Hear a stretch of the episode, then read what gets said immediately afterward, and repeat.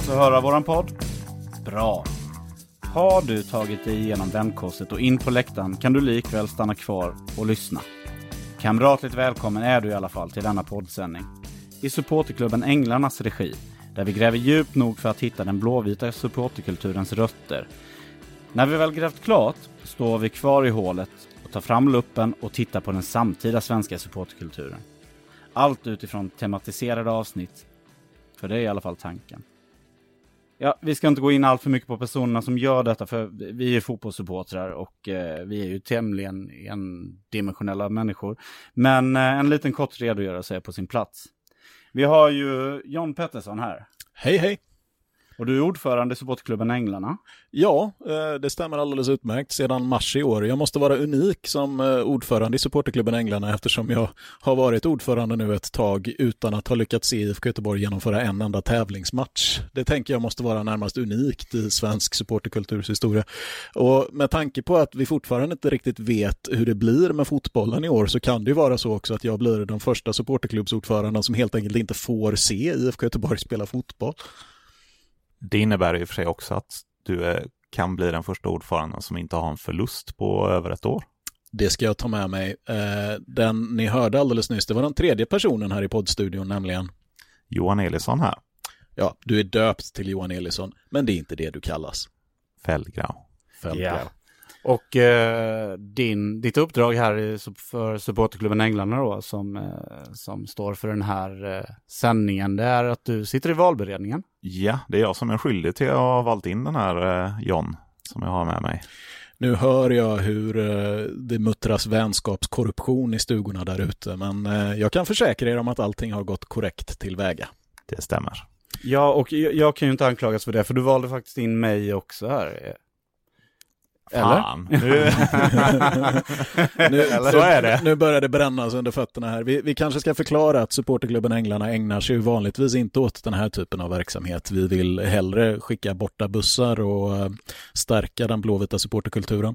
Men spelas det ingen fotboll, då kan inte vi vara på läktarna. Då får man kliva in i poddstudion istället och försöka erbjuda alla ni där ute som eh, suktar efter blåvit content, som jag har lärt mig att det heter på internet nu för tiden, någonting att fylla de långa, långsamma karantäntimmarna med. Eh, och det är den här podden.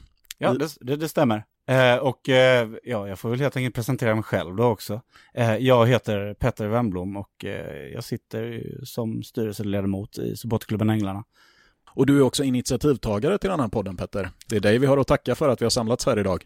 Ja, men eh, jag ska också snart, eh, inte lämna rummet, men eh, lämna ljudfilen för att eh, ni, i egenskap av eh, författare till supporterklubben Änglarnas bok, eh, vi som är från Göteborg åker aldrig hem med sorg. Jag antar att den måste sägas i ramsform. Ja, precis. Jo, men det är det vedertagna. Det är det vedertagna. Härligt. Och ni kommer snart här att sätta igång med en eh, redogörelse. Stämmer bra det. Eh, den här podden har alltså ett supporterhistoriskt perspektiv där vi söker oss bakåt i tiden för att svara på frågor som varför uppstod IFK Göteborg när man gjorde det? Vilka var de första människorna som samlades under den blåvita fanan och varför gjorde de det? Hur levde de sina liv och varifrån kommer egentligen det här Café Oliverdal som än idag sjungs om på våra läktare? Men för att besvara de frågorna så måste vi röra oss in i arkivet. I det mest undangömda hörnet av ett ensligt bibliotek, i en låst källarlokal i en hemlig alkov, bakom högar av böcker och uråldriga dokument, där hittar vi, täckt av damm, Johan Elisson. Hej på dig! Tjena, tjena. Tjänare, tjänare. Där sitter du med Otto von Bismarck i högsta hugg. Det stämmer. Nu ska vi se här, Otto von Bismarck, järnkanslern kallad. Eh, jag ser ingenting om att han ska ha befunnit sig i Göteborg 1904 och bildat IFK Göteborg. Varför sitter du med honom egentligen? Det är en eh, rätt intressant historia faktiskt och, och handlar väl mycket om att kunna gräva sig bakåt i tiden för att svara på frågorna om, om varför IFK Göteborg grundades som det gjorde. Vi behöver alltså backa bandet inte bara tillbaka till oktober 1904 utan en bra bit innan dess. Precis, ungefär 35 år. Vi befinner oss eh, kring 1870. Kring 1870, Det är alltså då vi hittar de tidigaste rötterna till IFK Göteborgs bildande. Och vad är det för rot du har börjat dra i? På den här tiden så eh, var ju eh, Bismarck i konflikt med Napoleon den tredje. Åh, den bästa Napoleon.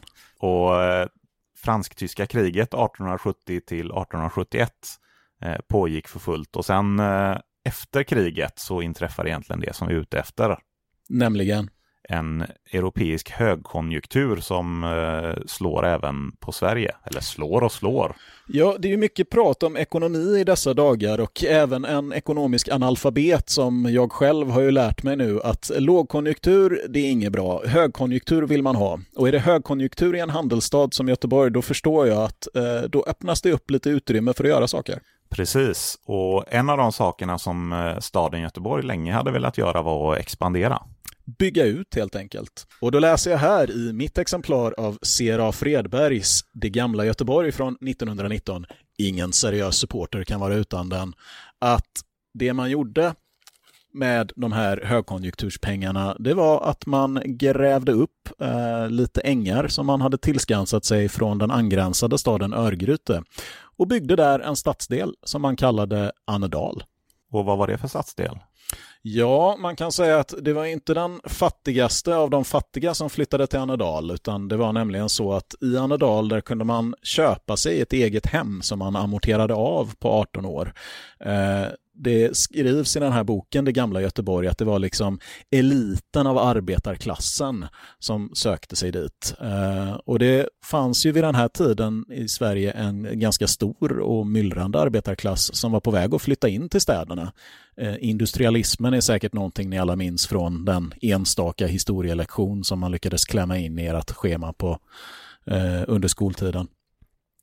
Ehm, och de här människorna de flyttar in i Annedal och så börjar de att skaffa barn. En jävla massa barn. Har jag. En fruktansvärd massa barn. Vi har faktiskt ett bevarat vittnesmål från en turist som åker igenom Annedal under den här tiden. Uh, och han skriver så här att han har aldrig någonsin sett så många stojande barn som han gjorde i, i Annedal. Uh, och då pratar vi om en kille som har varit i Neapel och sett Napoli-ungar, skriver han själv. så han är imponerad. Och de här myllrande barnaskarorna på 1870-talet och 1880-talet, eh, vi har en ungefärlig uppfattning om hur många det är och det är att det finns två stycken stora tegelhus som man bygger i Annedal. Eh, och där vet vi att det går ungefär 1300 elever.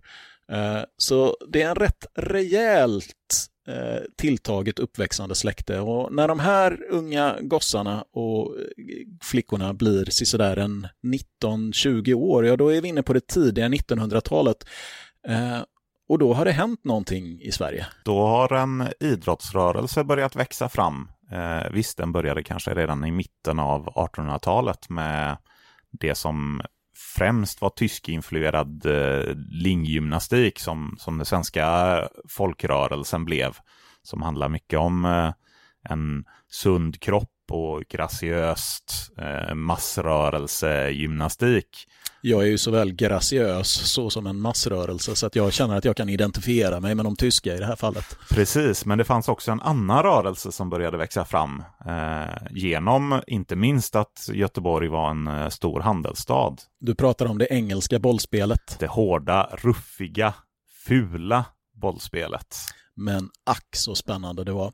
Vi har faktiskt ett vittnesmål från en av de unga män som var med och bildade IFK Göteborg som pratar om det här när han första gången fick syn på eh, bollspelandet. Det var engelska sjömän eh, som eh, befann sig ombord på något som kallas för Wilsonbåtarna. Eh, de låg i hamn i den här hamnstaden, handelsstaden Göteborg och på kvällarna då kom de med bollarna under armen. Då gick man ner i Göteborg och då hittade man till Exercisheden som finns kvar än idag. Eh, och spelade för att koppla av lite. Och vid Exercisheden, vilka hittade man där? Ja, men där stod ju de här Annedalskidsen och tittade på. Och Ernst Geiron Andersson, han var en av de här kidsen som står och tittar på engelsmännen och han blir alldeles betagen. Han blir fast. Och har man tittat ett tag, ja då vill man börja spela själv. Eh, så de delar upp sig och så börjar de kicka mellan sig själva. Ehm, och de lockar åskådare som kommer och trycker på och går längre och längre in på heden och till slut så sparkar de bollen mellan varandra på en väldigt, väldigt tunn avlång remsa fram och tillbaka. Men den här fotbollen, det är inte riktigt den fotboll vi känner idag. Nej, precis. Om man, om man kollar tillbaks på eh, hur fotbollen kom till Sverige så eh, kan man gå tillbaks lite tidigare än kring bildandet av IFK Göteborg. Man kan gå tillbaks till mitten av 1870-talet. 1875 närmare bestämt så bildades den, den första fotbollföreningen i Sverige som man känner namnet på, Göteborgs bollklubb, som inte längre finns kvar. Den dog ut under sent 1800-tal. Det är intressant att det finns ju liksom en, det finns en alternativ fotbollshistoria där det är Göteborgs bollklubb vi sitter och hatar. Precis. Hata, hata, hata GBK. Ge, ge mig ett G. Nej, vänta, vad blir det? G, G, G. B, B, B, K, K, K. Hata GBK. Men den här eh, GBK, de spelar inte det som eh, vi tänker som modern fotboll idag, utan de spelar en, en sorts fotboll som kallades svensk fotboll, som var en, eh, en avart eller en mellanting mellan fotboll och rugby, helt enkelt. Och det är först med de engelska sjömännen som man eh, kommer fram till mer riktiga fotbollsregler och det är väl så vi känner Göteborgs fotbollshistoria idag genom första matchen 1892 mellan eh, ÖIS och Lyckans vänner. Eh, Lyckans soldater. Lyckans soldater, tack. Mm, hittade vi första faktafelet där. Aj, aj, aj. Ja, hårda bud. Um, Ja, man behöver inte vara så mycket till detektiv för att ta reda på vilka människorna var som grundade IFK Göteborg. Det är bara att läsa i klubbens annaler och där ser man ju att det är Annadalspojkar födda på mitten av 1880-talet. Och den här fotbollssporten blir alltså mer och mer lockande för det uppväxande släktet. Inte bara i Annedal utan också i mindre bemedlade arbetarstäder som Masthugget och Majorna och definitivt hos medelklassens barn i läroverken i Örgryte. Precis, det är ju inte där bland arbetarklassen som eh, det grundas föreningar utan det är ju bland de lite mer välbemedlade medelklassen och överklassen som föreningar grundas. För de har fritid. Precis. Det ska man veta att eh, IFK Göteborg kommer ju från två stycken idrottsföreningar i Annedal. De här killarna som eh, växte upp i Annedal på 80-talet. Eh, redan innan IFK blev någonting så hade de ju slutit sig samman i idrottssällskapet Kamraterna och i Annedals IS för att ägna sig åt både fotboll och gymnastik. Men det här sågs nog inte med speciellt blida ögon av grannarna i Annedal och, och eh, med omnejd därför att idrottsrörelsen äh, det var väl ingenting för en hedlig arbetare. Springa runt och jaga en boll. När man hade 60 timmars arbetsvecka att lägga på fabriken skulle man då lägga sin söndag på en bortamatch någonstans ute på en avlägsen äng för att få spö med 12-0 av Lyckans soldater som har lirat i 20 år, komma hem med blankslitna byxknän, leriga skor och stå till svars inför sin hustru och sina åtta barn. Eh, Geiron, som jag ju återkommer till, eh, det är en fantastiskt underhållande intervju, han påpekar faktiskt att det var inga flickor som ville gifta sig med en karl som spelade fotboll. Han var ju borta hela söndagen. Och dessutom har vi konflikten mellan den eh, klassiska tyska eh, skolan med graciös gymnastik och fina kroppar eh, kontra den hårda, tråkiga engelska fotbollen. Så är det. Men man ska veta att även om den här konflikten finns så är det så att IFK i sina tidigaste inkarnationer, de ägnar sig åt båda två.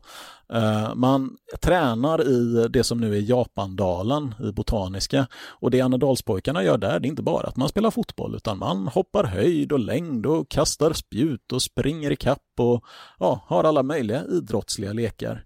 Och de här idrottslekarna i Japandalen och även på Karlsrofältet, de pågår under några vackra vår och sommarmånader på det tidiga 1900-talet. Men så kommer då den där dagen som väl alla blåvita känner till, när ett par chalmerister som velat bilda en krets av idrottsföreningen Kamraterna sätts i kontakt med pojkarna från idrottssällskapet Kamraterna och Annedals IS och man beslutar sig för att gå samman. Och då träffas man på, vänta här nu, inte Café Oliverdal. Nej, här kommer eh, en liten vändning i historien, för man träffas faktiskt eh, på Café Blanche som ligger ungefär 200 meter från eh, där vi vet att Café Oliverdal ligger. vänta, vänta, vänta, stopp, stopp, stopp. Det är alltså Café Blanche som vi ska hylla och sjunga sånger om. Nu vänder historien igen. Är det om, man, sant? om man eh, läser riktigt noggrant så, så hittar man eh, att på Café Blanche där är man tvungen att betala för att få sitta på kaféet. Skamligt. Ja, det är inte okej. Jag tycker inte om näringsidkare. Så den där dagen så samlas man eh, där först på Café Blanche. Men man är så pass många och många från arbetarklassen som kanske inte har råd att, att köpa sig något. Så till slut så väljer man faktiskt att gå därifrån och gå till ett annat ställe. Som vi alla känner till som Café Olivedal. Och nu har vi alltså hunnit fram till den där oktoberdagen 1904. Vi sitter inne på Café Olivedal med John Säva Sävström, med Långartur och med alla de andra bildarna. Och utanför på gatan står Geiron och hans kamrater och väntar på besked. Eh, och nu tycker jag att vi ska slå igen de dammiga böckerna, röra oss upp från det låsta arkivet och joina Petter i studion för att prata lite mer om varför det blev som det blev.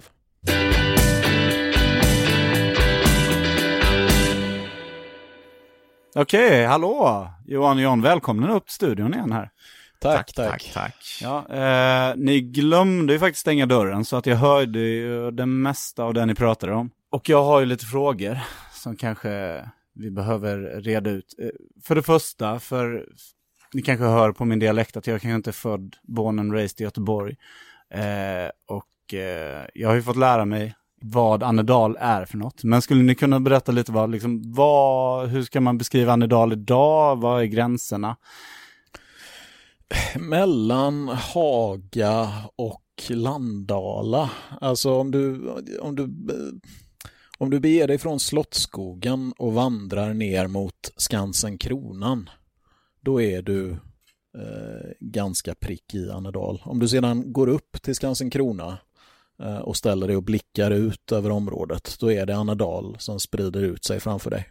Precis, och, och idag är det väl en del av centrala Göteborg. Ja, det är ju få som skulle kalla Annedal för en förort eller en förstad idag. Alltså det ligger ju verkligen vid Linnégatan. Eh, Det är, Göteborg idag är ju en helt annan stad än den vi har pratat om när vi har pratat. Mm, Eh, Det här är ju, ännu när IFK Göteborg bildas så lever det ju fortfarande kvar ett folkminne av Annedal som i princip bara är ängar och berg. Precis. Och det, det, när man kollar det här med tysk-franska kriget och pengar så var det ju inte en stadsdel som man byggde i centrala stan direkt, utan det var ju utkanten av stan som, som man köpte upp mark för att bygga nytt. Ja, exakt. Det är faktiskt så att innan, långt, långt innan Annedal överhuvudtaget blev aktuellt för att bygga en stad i så eh, anlade man en eh, kolerakyrkogård där när koleraepidemin kom till Göteborg på 1830-talet. Eh, Då var det alltså så avlägset att där ute, där kunde man gräva gravar och dumpa lik. Precis. Den kyrkogården grävdes för övrigt upp när man sedan började bygga hus i Annedal på eh, 1870-talet. Så det låter lite som en början av en Stephen King-bok. Det är ganska mycket Stephen King. Det ska sägas att det här är ett jädra rövarnäste innan det blir ordning på dem på Precis. 1870-talet. Och de här bergsluttningarna upp mot Änggårdsbergen och de andra åsarna där ute, där bor det ett, eh, ett rövarsläkte utan dess like. Ehm, det finns en, en vänförening som heter Småfåglarnas vänner som är där ute och försöker odla upp marken, men, men eh, det trampar man ner. Det är brännvin, kortspel och kniven som dominerar levernet för de samhällets olycksbarn som har bosatt sig på sluttningarna där ute. Innan man då eh, på sent 1800-tal börjar civilisera och bebygga den här eh, kala fläcken på Göteborgsområdets karta. Ja, är det, är, det, är det några fåglar man värnar om så är det småfåglar, men de, de får ju alltså inte hålla till där, utan det, det är olyckskorparnas näste. Väl formulerat. Vi pratade också, eh, Johan, om eh, kafélivet. Två olika kaféer dyker upp. Precis, det är ju både Café Blanche och Café Olivedal som eh, figurerar den 2 oktober.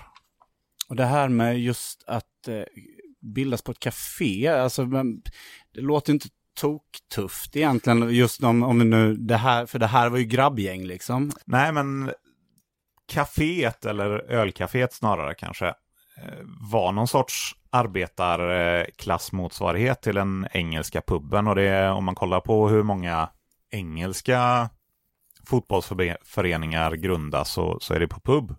Men i Sverige så fanns den här ölcafékulturen istället. Så att många arbetarklassföreningar i Sverige grundas på kaféer. Eh, inklusive, ja, inklusive oss själva såklart, men också guys. Guys, ja. För vi har, vi har väl också det här med att eh, café, vanligt förekommande i, i Sverige överlag, liksom vid den här tiden. Men eh, vi har några lik, liksom ÖIS är en villa va? Ja, det stämmer och det, det, märker man om man kollar åt andra hållet på, på det som var allra vanligast under sent 1800-tal och början 1900-tal med, med medelklass och överklassföreningarna som naturligtvis inte bildades på, på kaféer. De hade ju villor att kunna sitta hemma i med, i större sällskap och det ser vi både hos, inte minst då som sagt, ÖIS men också AIK och Djurgården som bildas i, i villor. Biblioteksgatan kontra Alberget va? Stockholm. Någonting sånt och Biblioteksgatan är väl kvartersstad idag men det var villa, en villa där helt enkelt som AIK grundades i. Johan, vi kanske också ska nämna då att eh, på tal om, om kafékultur och, och Café Olivedal så finns det ju en i sammanhanget bortglömd blåvit hjältinna som vi har att tacka för att grundandet överhuvudtaget blev av. Jaha, så det finns kvinnor i de här arkiven alltså? Ja, oh, eller ja. Man får gräva. man får, men då hittar man den viktigaste av dem alla. Det stämmer. Och jag misstänker att det här faktiskt inte har eh, tagits upp någonstans tidigare.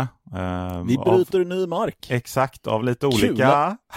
Kul, kul att man kan bryta ny mark när man liksom gräver bakåt. Ja, och det får man väl tacka Kungliga biblioteket för som under corona faktiskt har öppnat upp eh, hela sitt digitaliserade arkiv av, av eh, tidningar så att man kan söka och om man gräver så, så hittar man att Café Olivedal det, det startades faktiskt i, i början av eh, 1904, eh, närmare bestämt i mars, av eh, en eh, viss Bernardina Anderberg, även kallad Dina.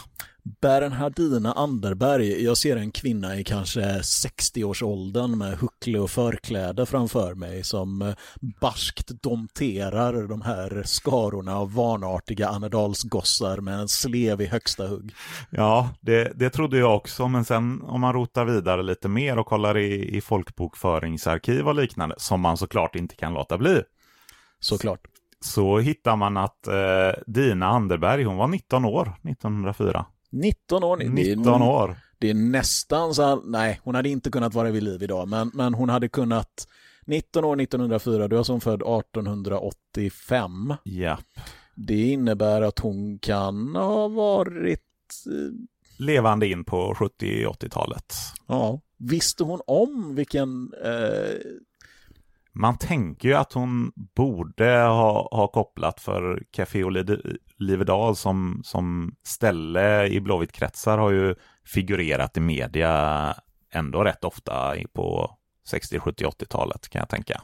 Vilket ju är märkligt för själva stället i sig blev ju inte speciellt långvarigt. Det var väl nedlagt eh, rätt så omgående precis om man kollar vidare lite i tidningsarkivet så ser man att eh, redan 1906 så är det en speceriaffär på Olivedalsgatan 1 där kaféet tidigare låg och Bernardina hon har eh, gått vidare med kaféverksamheten ner till Krokslätt och, och eh, ett ställe strax utanför eh, eh, nuvarande Lisebergs söderentré. Man blir ändå lite varm i hjärtat när man tänker på alla de alla de eh, restaurangägare och krogöppnare och kafévärdar som har fått driva ett ställe under kort tid som sedan av olika skäl har fått slå, slå igen.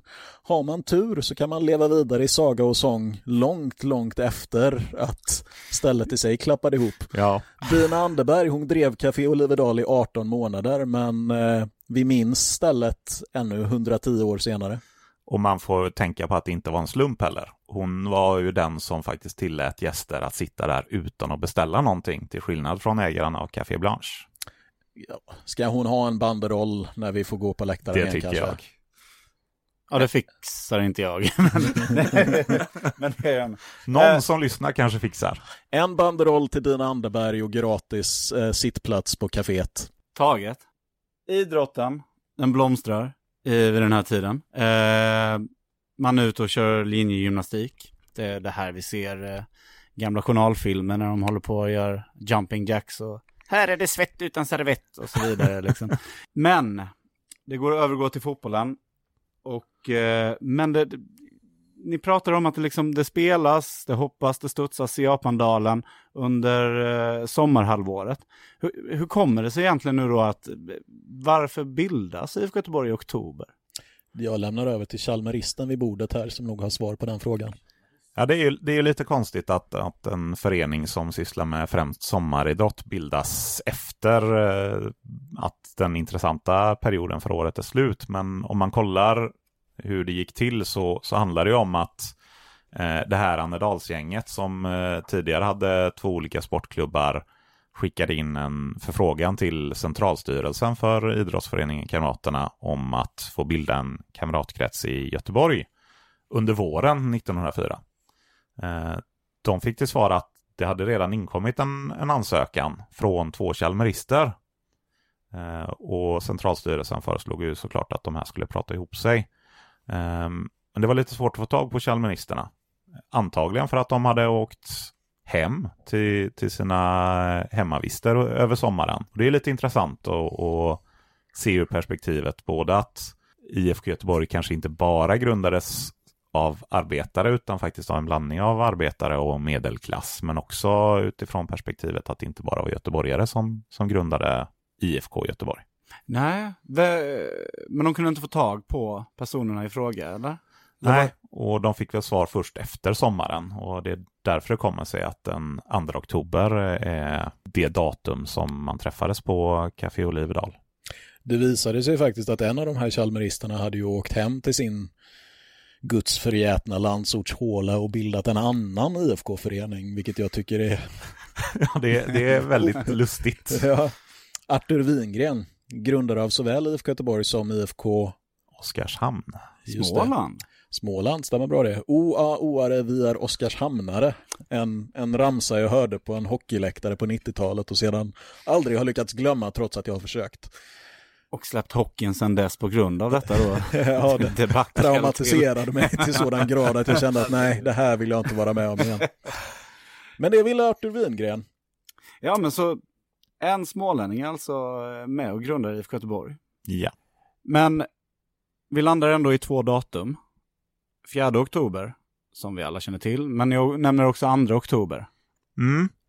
Det är lite märkligt. Eh, Vi har faktiskt inte lyckats hitta något konkret svar på, på varför det är så att mötet på Ca- Café Olivedal, eh, när de till slut stegade ut från lokalen och sa att föreningen ska heta IFK Göteborg, det var den 2 oktober. Men grundade datumet har sedan någon gång i början av 1900-talet satts till, till den 4 oktober. Eh, Jag misstänker att det är så här att den 2 oktober så har man ett interimmöte där medlemmar ur de tidigare föreningarna träffas mm. och ger en avsiktsförklaring. Och sedan den 4 oktober så har man det första egentliga mötet i den nya föreningen. Det bör ju vara så. Okej, 2 oktober. Mm. Eh, nuvarande Sveaplan Ja, i Göteborg. Yes. Eh, det måste ju ha varit likt när Peter IJ presenterades på Stora Teatern. Att det var rökmaskin, det var jubel, det var, ja, det var glassballonger, I, EJP, IJP, ja EJP i exakt. lurarna. För att, nej men det- måste ju varit ett jävla liv. IFK Göteborg har grundats.